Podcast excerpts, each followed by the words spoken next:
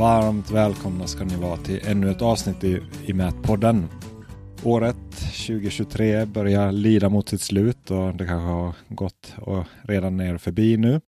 Men jag fick Spotify Wrapped för podcaster och där sägs det ju då lite statistik om lyssnare, att eh, hur många som lyssnar och sådär. Och vilka länder. Det finns lyssnare i Sverige och Finland och i Norge och några till där utomlands.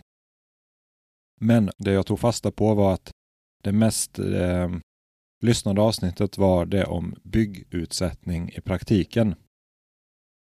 Och det säger mig att ja, ni som lyssnar då, man vill ju ha någonting man lär sig faktiskt av.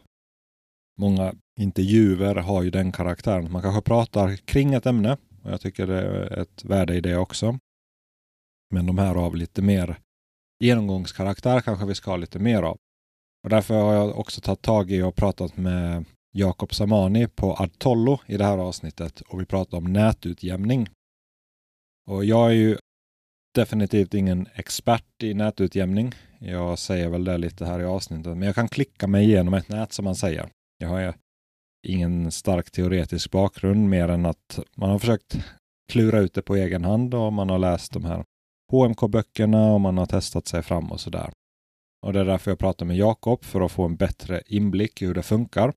Och vi tar egentligen språng i den här tekniska rapporten från 2018 från Lantmäteriet 2018-3 som eh, Claes-Göran Persson har skrivit om eh, plana nät då. Det har lite mer av en sån här lärobokskaraktär och där finns den som en tio steg för ett nät.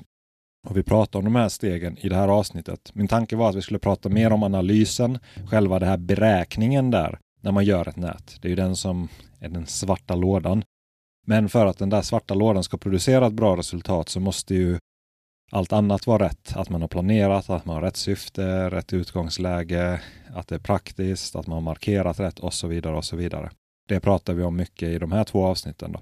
Men det är uppdelat i två delar. Jag pratade en, en, en, en 45 med Jakob och vi pratar väl först lite om Jakobs bakgrund och så pratar vi också om vad ett stomnät är framför allt. Alltså hur ska man tänka kring det? Varför nätutjämnar man? Vad finns det för olika typer av nät och vad, vad är det man får ut av det här?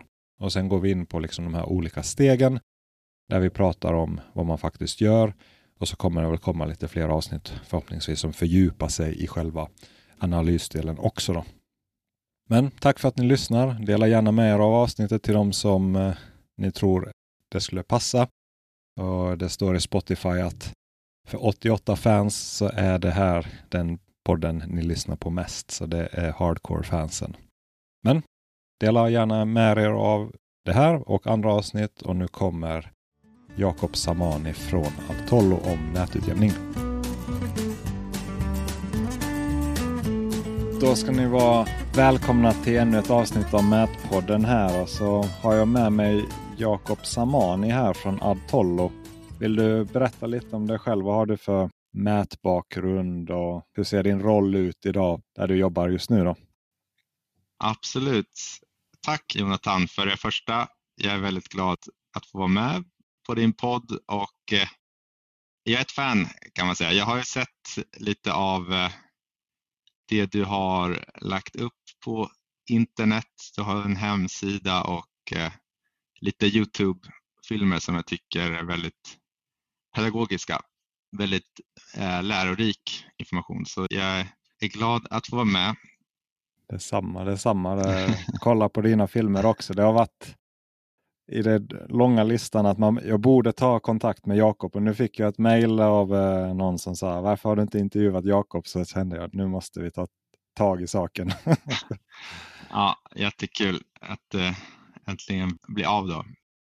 Precis, lite om mig då min bakgrund, det är ganska speciellt för jag har ju en familj som har hållit på med mätteknik i, i några generationer faktiskt. Mm. Jag har eh, min farfar ända borta i Iran har hållit på med mätteknik och då har de liksom räknat på papper och väldigt tidig GPS-teknik också Sen min pappa har även, han är också ingenjör och har jobbat med mätteknik och utsättning och instrumentförsäljning också i sina dagar. Och så har jag även kusiner och, och farbröder som också är inne i, i samma bransch. Så jag har blivit lite indoktrinerad i den här uh, branschen kan jag säga från barnsben och har sett uh, mätinstrumenten hemma när jag, när jag växte upp. Och sen har jag utbildat mig då inom mät och kartteknik um, ehm, i Karlstad och sen har jag jobbat som teknisk specialist och mätingenjör, ja, både på entreprenad och konsultsidan innan jag landade på Adtollo. Då, då. Och, eh, tiden går ju fort. Nu har jag redan jobbat fem år på och eh, jag är en liten allt i allo på, på mitt företag för det är ju, vi är inte så stort team. Vi är nu, eller ja, nu är vi, har vi 18-19 personer och eh, jag jobbar med eh, utbildning som du vet, eh, alltså jag lite grann försöker ha lite online-närvaro men det är också såklart att vi har kurser som man kan anmäla sig till och eh, det är även support, alltså jag hjälper kunderna använda Topocad. Hjälper, dagligen pratar jag med mycket faktiskt egenföretagare och eh, men alla möjliga i eh, Topocad-användare som vi har. Och sen så är jag också nu väldigt mycket, eller jag har alltid sedan jag började varit mycket inne i produktutvecklingen, så är mycket i planering och eh, testning och allt vad det innebär. Och sen i ja, lite marknadsföring, hjälper till med sälj också. Så det, det är lite, lite av allting nästan. Intressant. Häftig bakgrund att ha det så i familjen. Då är det oundvikligt. Alltså. Jag tänker på lite Topocad. Eh, jag har väl inte så bra koll på det. Har du någon uppfattning om hur många Topocad-användare finns det i Sverige eller är det sån secret business? ja, alltså vad är det nu? Ja, ärligt talat så har jag inte jättebra på, på siffrorna, men vi har liksom jag tror vi har gjort över 25 000 licenser. Det är inte bara i Sverige och det är ju alla de är inte aktiva, men det är ju ändå en Ja, det är rätt många i Sverige. Jag skulle väl säga en, nästan en majoritet av kommuner. Det är väldigt väl etablerat på kommunsidan och sen är det också många mättekniker på den privata sektorn. Och sen har vi ju mycket Trafikverket, Lantmäteriet. Det är ganska brett och sen finns vi ju även ute i världen. Många mätskolor vi är med i många universitet och mätskolor så också Topoc. Alltså det är, jag kan inte ge dig en nej, nej, exakt det... siffra, men, men det har ändå en ja, en någon, någon idé. Ja. ja, för det märker man ju så. Jag har inte varit i kommunal sektor alls. Sådär. Men man märker ju att kommunerna kör ju stenhårt med det känns det som. Eller ja, väldigt mer än privata kanske så. Jag bara tänker innan man kanske pratar om vårt ämne som vi har pratat om. Jag är bara lite nyfiken på supporten. Där. Vad har du tagit med dig av eh, de åren du har jobbat i support? Liksom, finns det någon typisk story eller finns det något, eh, någon lärdom som du tänker är återkommande? Eller ja, någonting om liksom, från supportvärlden där. För där, där märker man ju säkert trender och ja, återkommande grejer eller roliga historier och allt möjligt.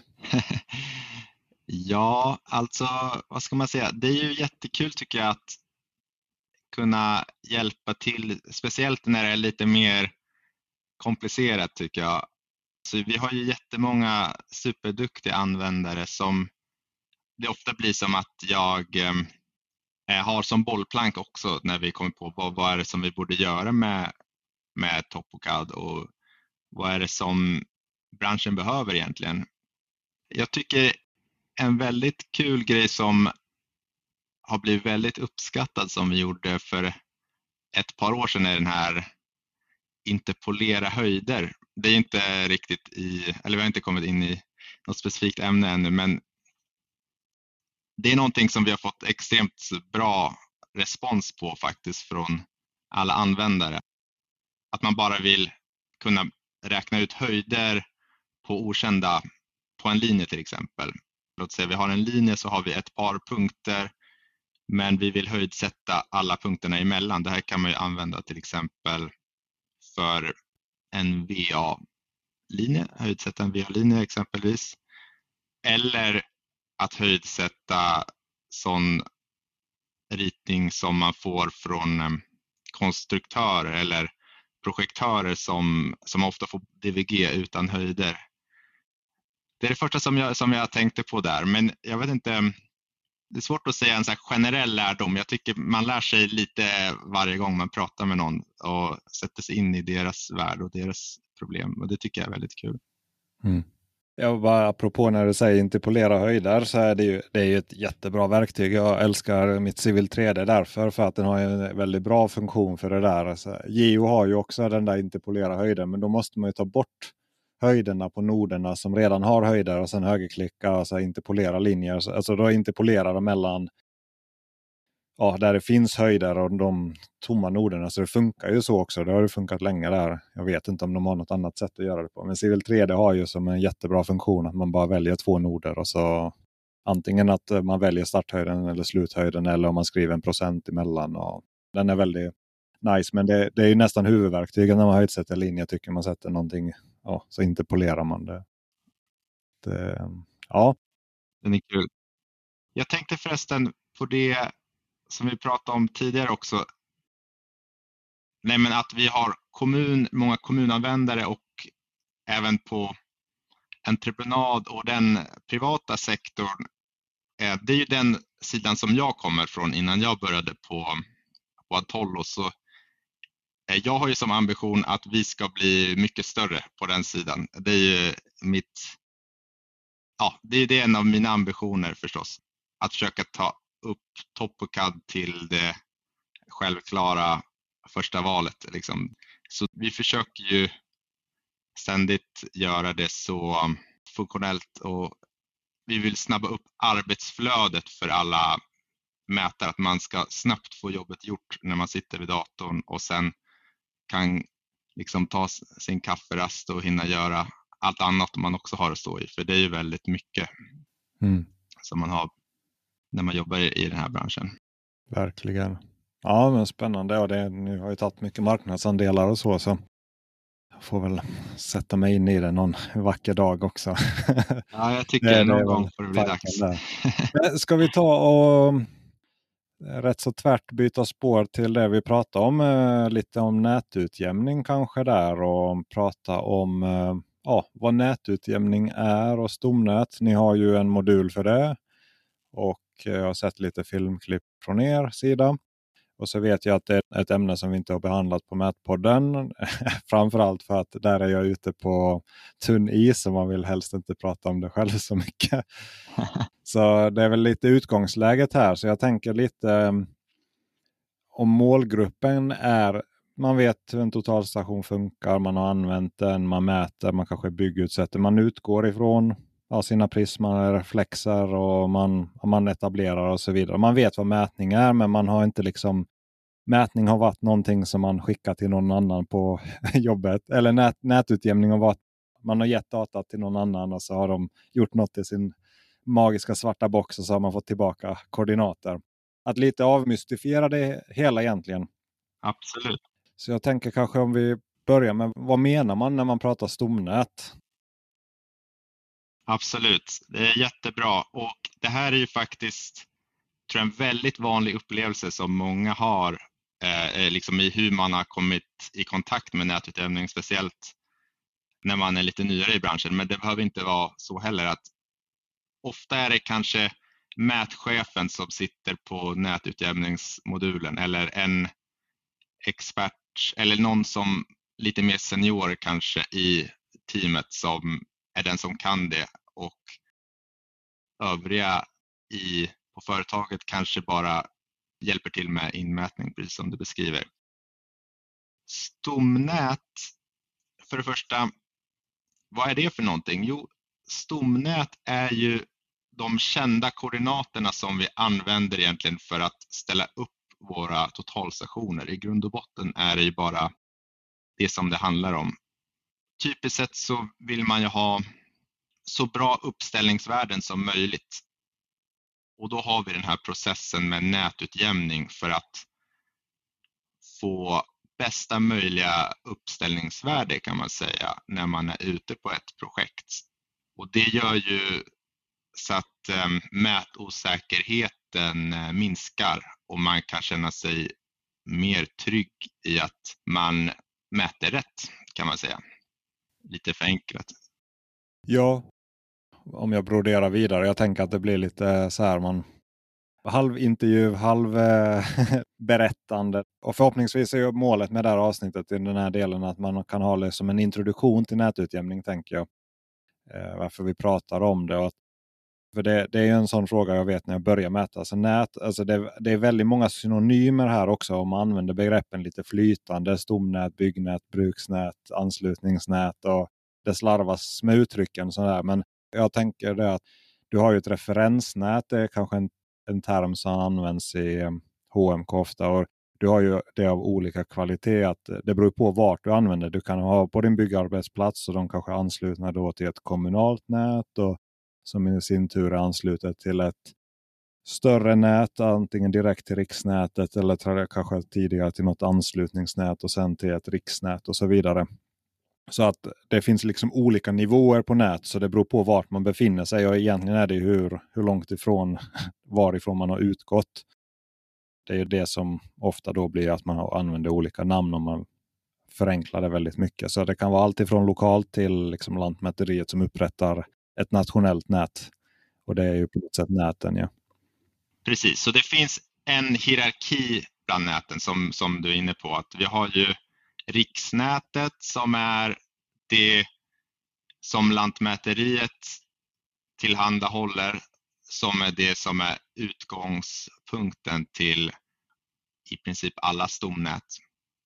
Och sen har vi en förtätning så det betyder att vi utifrån de punkterna som vi har i riksnätet har gjort nya mätningar och beräknat nya punkter som typiskt sett är eh, någon sorts spik i mark eller någon byggnad eller liknande som vi kan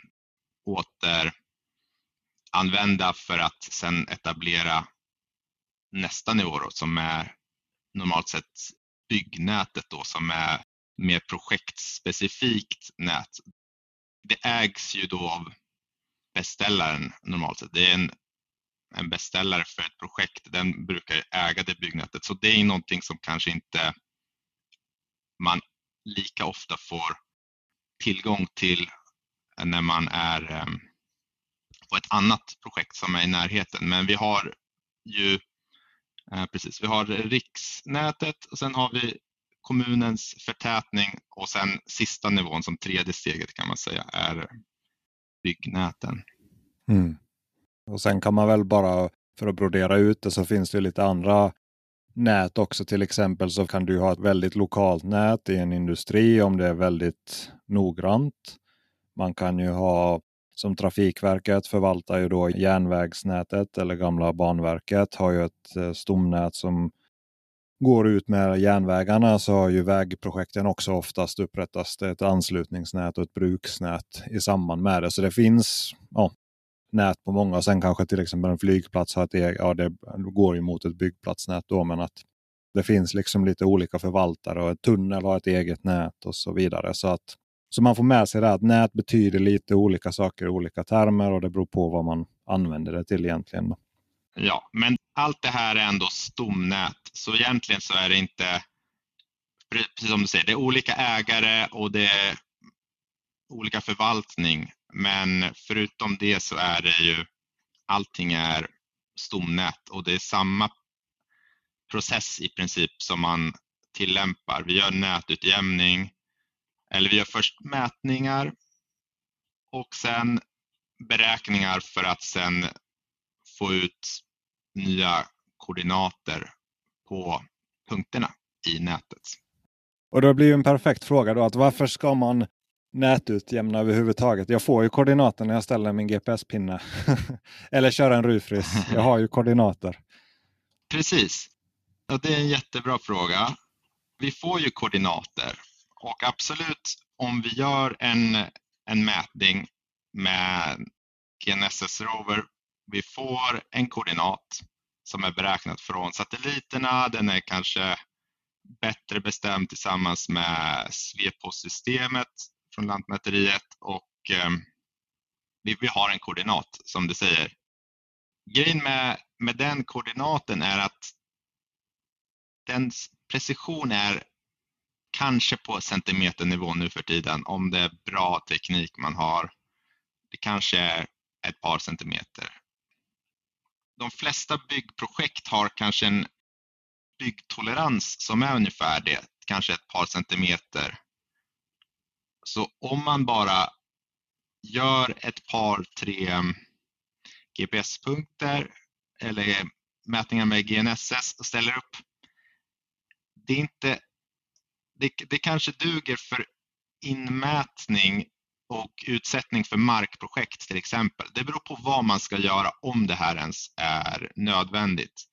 Men när det är mm, kanske byggnader och järnväg, speciellt järnväg, så beroende på vad det är för typ av projekt och vad det är för toleranser så behöver man ibland en bättre bestämning av koordinaterna. Och eh, det är då som nätutjämning kommer in i bilden, att vi använder många mätningar eller observationer kallar vi det också i Topocad. Och sen så räknar vi med alla dem i samma beräkning för att bestämma alla koordinaterna på de mätta punkterna. Så vi kommer komma till det sen, men typiskt sett så är det tre längder och tre vinklar man vill ha per punkt. Det kan vi gå in på lite mer, men man vill ha många observationer och det ger en mycket bättre bestämning och då landar man kanske sen på en, ett par millimeter i mätosäkerhet per punkt istället för någon centimeter, vilket är eh, en massiv skillnad förstås. Mm. Säg att man har varit på ett, ett bygge och mätt och så märker man att ens etableringar blir olika beroende på vart du ställer upp på bygget. Då märker man ju det här kanske där man säger att då har du spänningar i nätet eller att kanske om du inte har nätutjämnat bara till exempel på många mindre projekt skulle du kunna göra så här, vilket man också gör då. Att man, man sätter ut kanske tre spikar runt om bygget och sen mäter du in dem med GPS. GNSS, ja, det är slarvigt eh, GPS då, men i alla fall. Och sen eh, sätter du upp din totalstation, mäter in alla punkterna, accepterar värdena eller något liknande och sen kanske du sätter ut några reflexer, mäter in dem och sen bara kör du. Vad som händer där är ju att du får ju ett fel baserat på din GNSS-mätning, men det blir ju konstant. Och där, jag vet som i Göteborg så finns det knappt ett stomnät, medan jag, om jag förstått det så i Stockholm till exempel så finns det mycket mer välbehållet stomnät eh, från kommunens sida som man måste ansluta till. Så det beror ju på också vilken kommun man är, vilken del av landet och så vidare, hur hårt kravställt det är. Men, men ställer man bara upp station och kör på det så blir det ju rätt så bra värden eh, just där. Problemet blir att om du behöver flytta dig, ställa upp stationen någon annanstans på projektet eller eh, du tappar någon av de här punkterna eller behöver liksom sträcka dig över ett längre område än bara det du kan se från precis samma ställe du började. Då börjar du märka att mätningarna går inte ihop. Du sätter ut två baslinjer men när du mäter med dem från två stationsuppställningar så går de inte ihop sig. Då behöver du ett nät och för att allting ska matcha ihop med varandra. Så det är också ett, kanske ett sånt sätt uh, att beskriva det på när man börjar behöva mäta. Nät är ju när det blir mer än du behöver ställa upp på ett ställe. Absolut. Och det är också den grejen att om vi säger du har en centimeter i mätosäkerhet eller precision då så kan det vara så att det felet kan slå åt olika håll.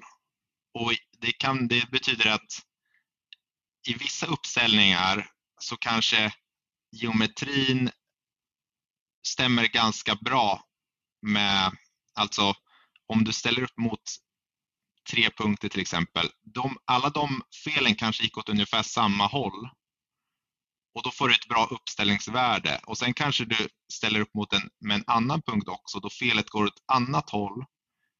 Då kommer du i uppställningsberäkningen märka att oj, så här, vad hände här? Det, nu fick jag jättedåligt värde så det är säkert jättefel på den här andra punkten som jag mäter mot. Men det skulle kunna vara Egentligen så vet du inte att det är ett fel på den punkten. Det är kanske mer fel på, på de andra punkterna och det, um, det är därför som det är bra att samla alla mätningar och sen tillsammans med alla observationer man har koordinatbestämma punkterna i nätet och det betyder att de får en bra, och det kallas att de kan ha en bra intern geometri. Så det är som ett lokalsystem, är eh, som en intern geometri, att de längderna mellan punkterna att säga, stämmer. Men sen vill man ju också att de stämmer utifrån övriga nät.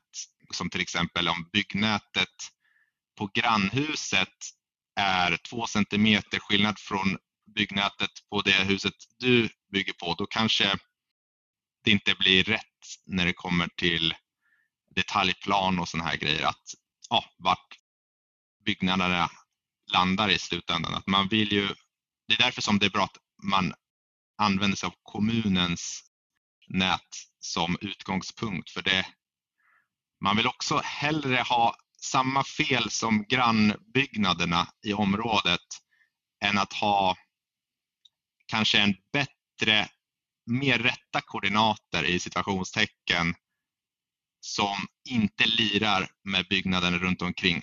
Det är också en aspekt i varför det är väldigt bra att alltid utgå från kommunens punkter. För det är någonting som alla borde jobba utifrån.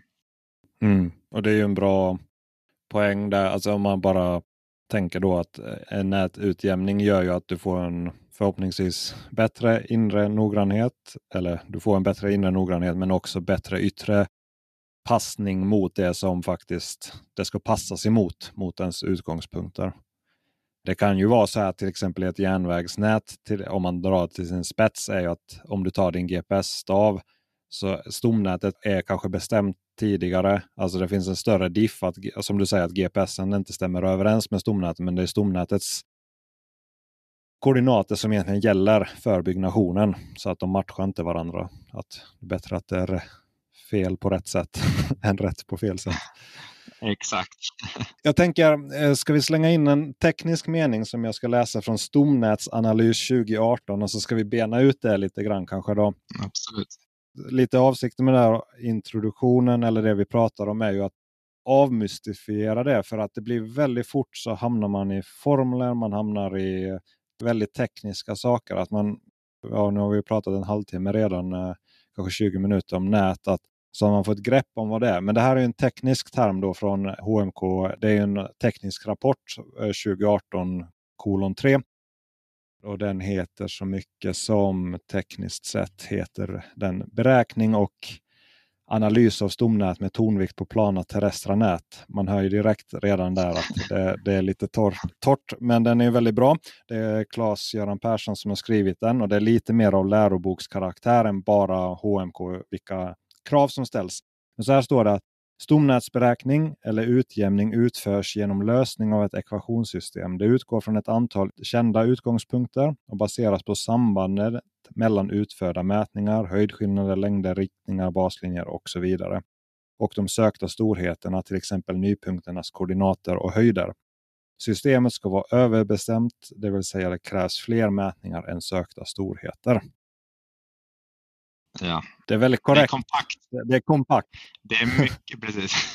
Förresten, jag hörde ju din podcast med Claes-Göran Paulsson. Jätteintressant. Om ni inte har hört den så gå bak till en av de tidigare episoderna och lyssna på den. Det var väldigt intressant att höra hans, hans story. Ja. Ja, han har jag också tänkt på. Borde ringa tillbaks till igen. Men det är en kompakt beskrivning. Um, jag tänker det här sista meningen, systemet ska vara överbestämt, det vill säga det krävs fler mätningar än sökta storheter om man expanderar det. För det, det sa ju till exempel Claes-Göran där eh, på det avsnittet, eh, var det avsnitt fyra kanske. Jag frågade vad är det viktigaste inom mätning? Och så tänkte han en liten stund så här, en mätning är ingen mätning. Det var väl det han lämnade efter sig. Och det, det, är väl på något sätt det här med nätutjämning också. att En grundläggande förutsättning för ett nät nätutjämning är ju att du kan inte nätutjämna om du bara har en observation. Absolut. Varje mätning som är utöver det som är minimum för att beräkna ut koordinaten, det är en överbestämning. Och vi vill typiskt sett ha tre mätningar mot varje punkt i nätet. Det är som en tumregel kan man säga. Att vi vill ha tre stycken och i just nätutjämning så delar vi upp vinklar och längder. Så vi säger att vi har tre mätningar i längd och tre mätningar med horisontala vinklar. Det är i princip det som det kokar ner till sen i beräkningssidan. Vad betyder en mätning i det sammanhanget? Om jag trycker på medelvärdesbild eller trycker på mät, mät, mät, mät. Är det tre mätningar i det här sammanhanget eller vad syftar man på med tre observationer eller tre mätningar där? Jättebra fråga. Det är det efter medelvärdesbildning. Så, så typiskt sett så har vi först helsatsmätningar. Så det betyder att vi mäter um, flera gånger i båda cirkellägen. Så vi gör två eller tre helsatser brukar man göra. Så det betyder att vi mäter um, typ eh, fyra eller sex mätningar egentligen mot samma punkt. Det räknas som en observation i nätutjämningen. Först mäter du flera helsatser som du sen eh, medelvärdesbildar. Eh, I TopoCAD kallar vi det en reducering. Jag tror det är likadant i Geo kallas det reducera också. Ja, precis. Så det betyder att det är mot tre olika punkter. Så varje uppställning vill man helst mäta mot tre, fyra punkter för ett riktigt bra resultat.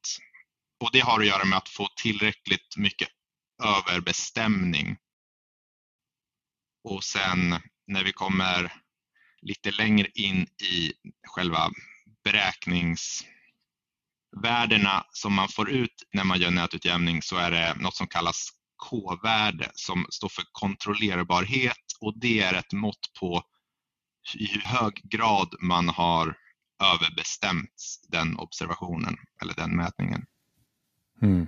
Vi är ju på väg lite mot djup här men en annan mening som saxat där från den här rapporten är att nätutjämning är ett statistiskt verktyg för att bedöma många mätningar för att avgöra kvaliteten.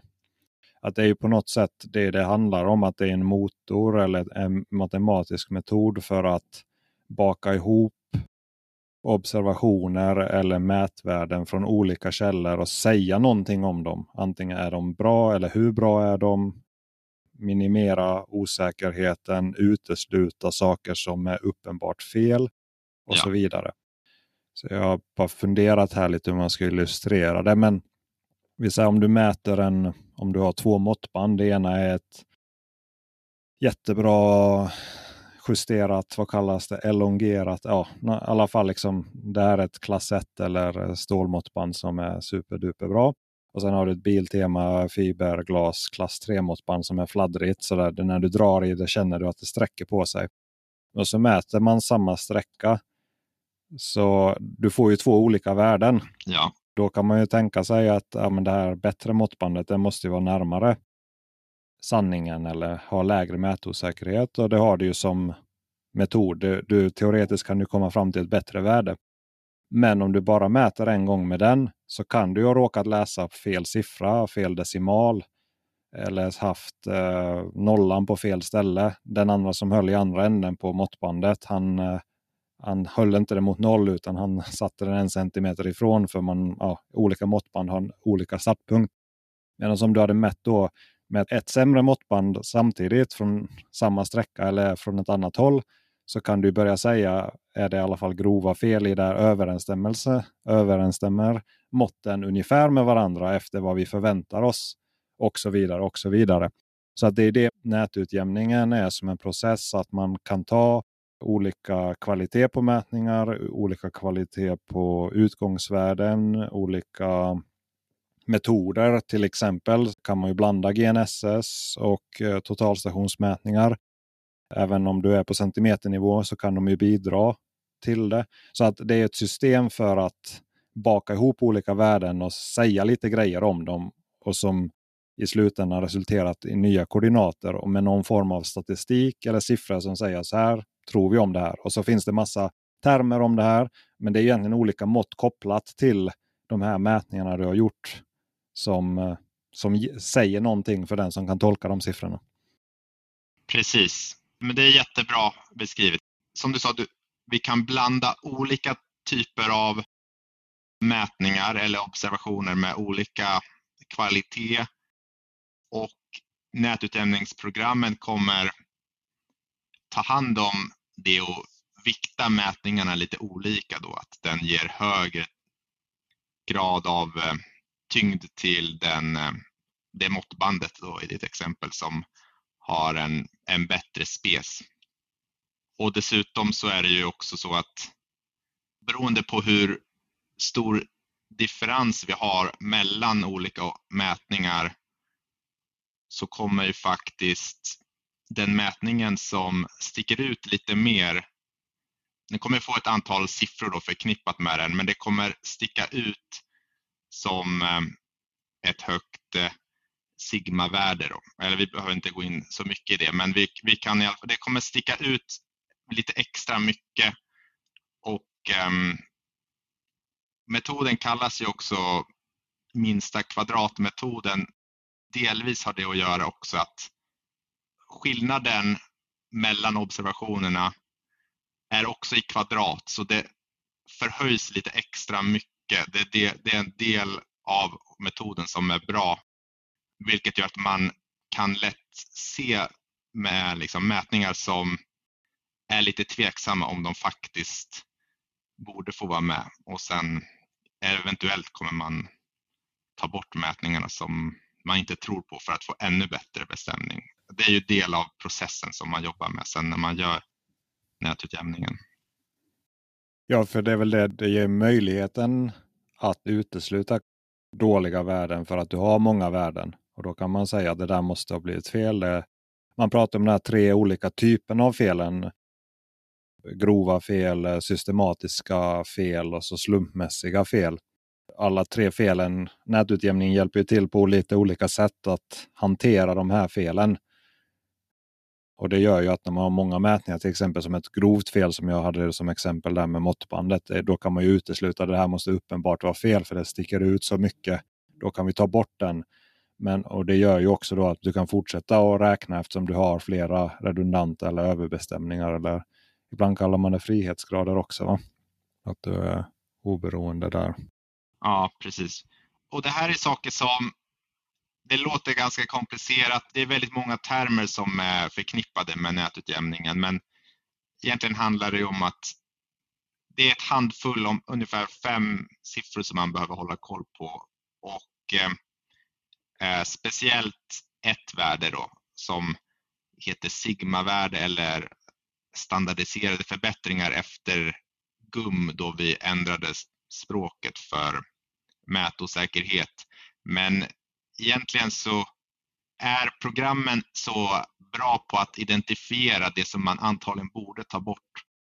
Nu för tiden så är det faktiskt mycket enklare skulle jag vilja påstå än vad det någonsin har varit. Alltså vi har, alltså i Topoga har vi massor med verktyg som bara hjälper en att hitta de eventuella mätfel som finns och så kan man bara enkelt göra omberäkning, se till om att alla osäkerheterna inom toleranserna och sen är man klar. Lite förenklat så, men det är det faktiskt. Det behöver inte vara så svårt i praktiken om man har gjort bra mätningar. Nej, och där har du en bra avslutning där. du sa om man har gjort bra mätningar. Att min chef sa alltid så här, skit in, skit ut. Eh, nätutjämningen ja, nätutjämning det är ju inte magi. Man brukar ju säga att man smetar ut fel. Att de felen du får med dig och inte utesluter, de kommer du liksom smeta ut eller blanda ut i nätet om man uttrycker det lite sådär ja. lekmannamässigt.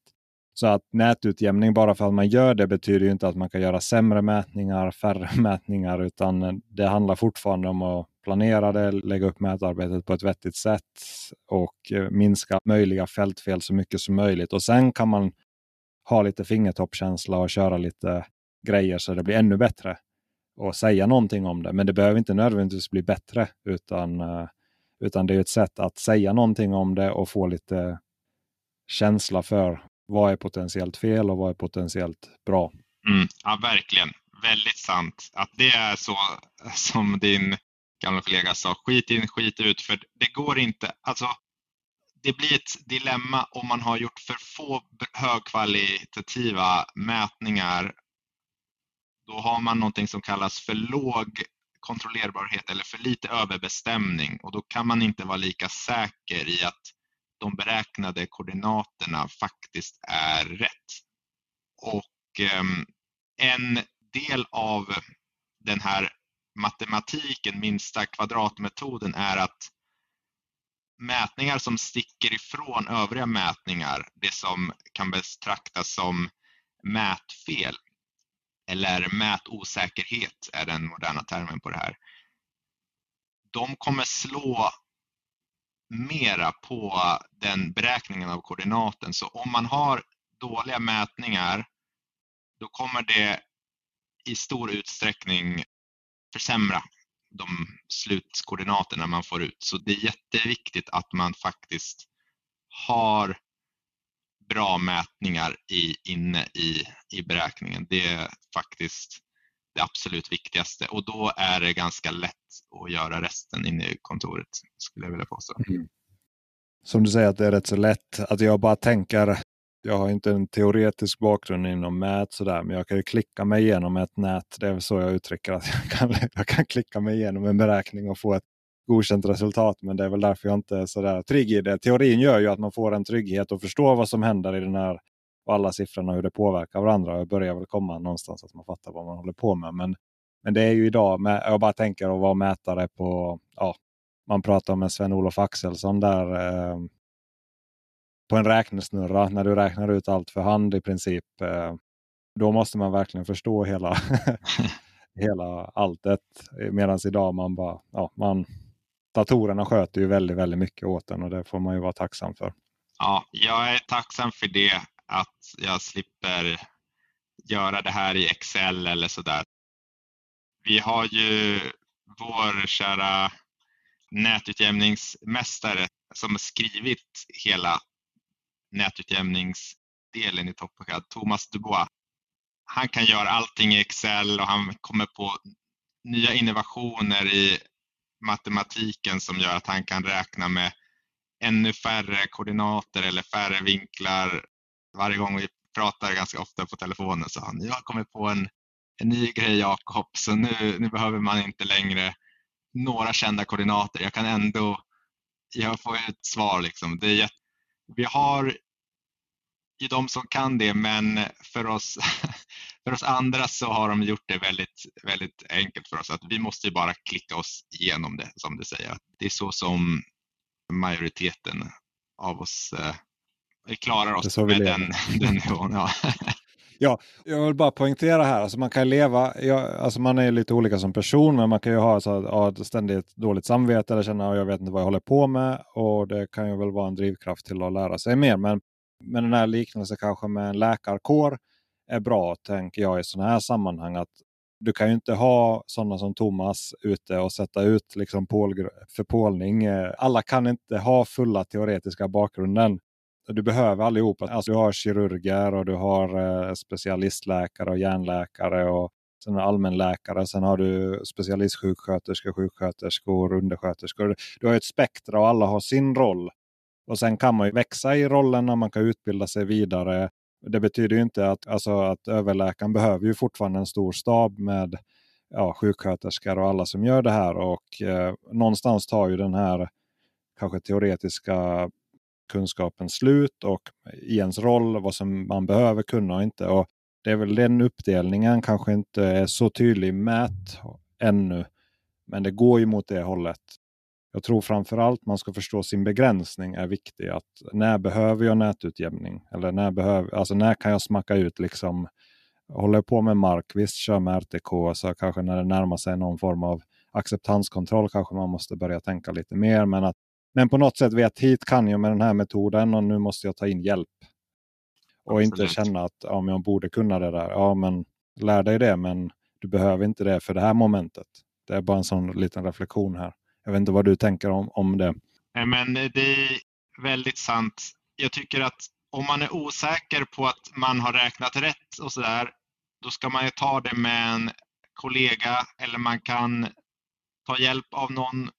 Kanske, det finns ju personer att höra av sig till. Man har supporten om det är bara ett enkel fråga. Sen om man vill ha hjälp, att man sitter med i några timmar och gör hela processen så kan man ju bara beställa ett par konsulttimmar och få hjälp med det och så man känner sig trygg i att man har gjort allting korrekt enligt konstens alla regler.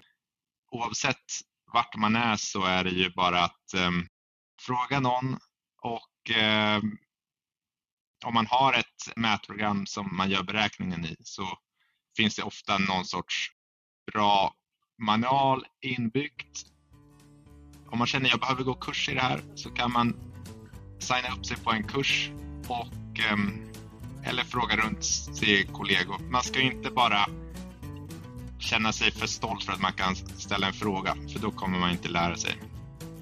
Bra.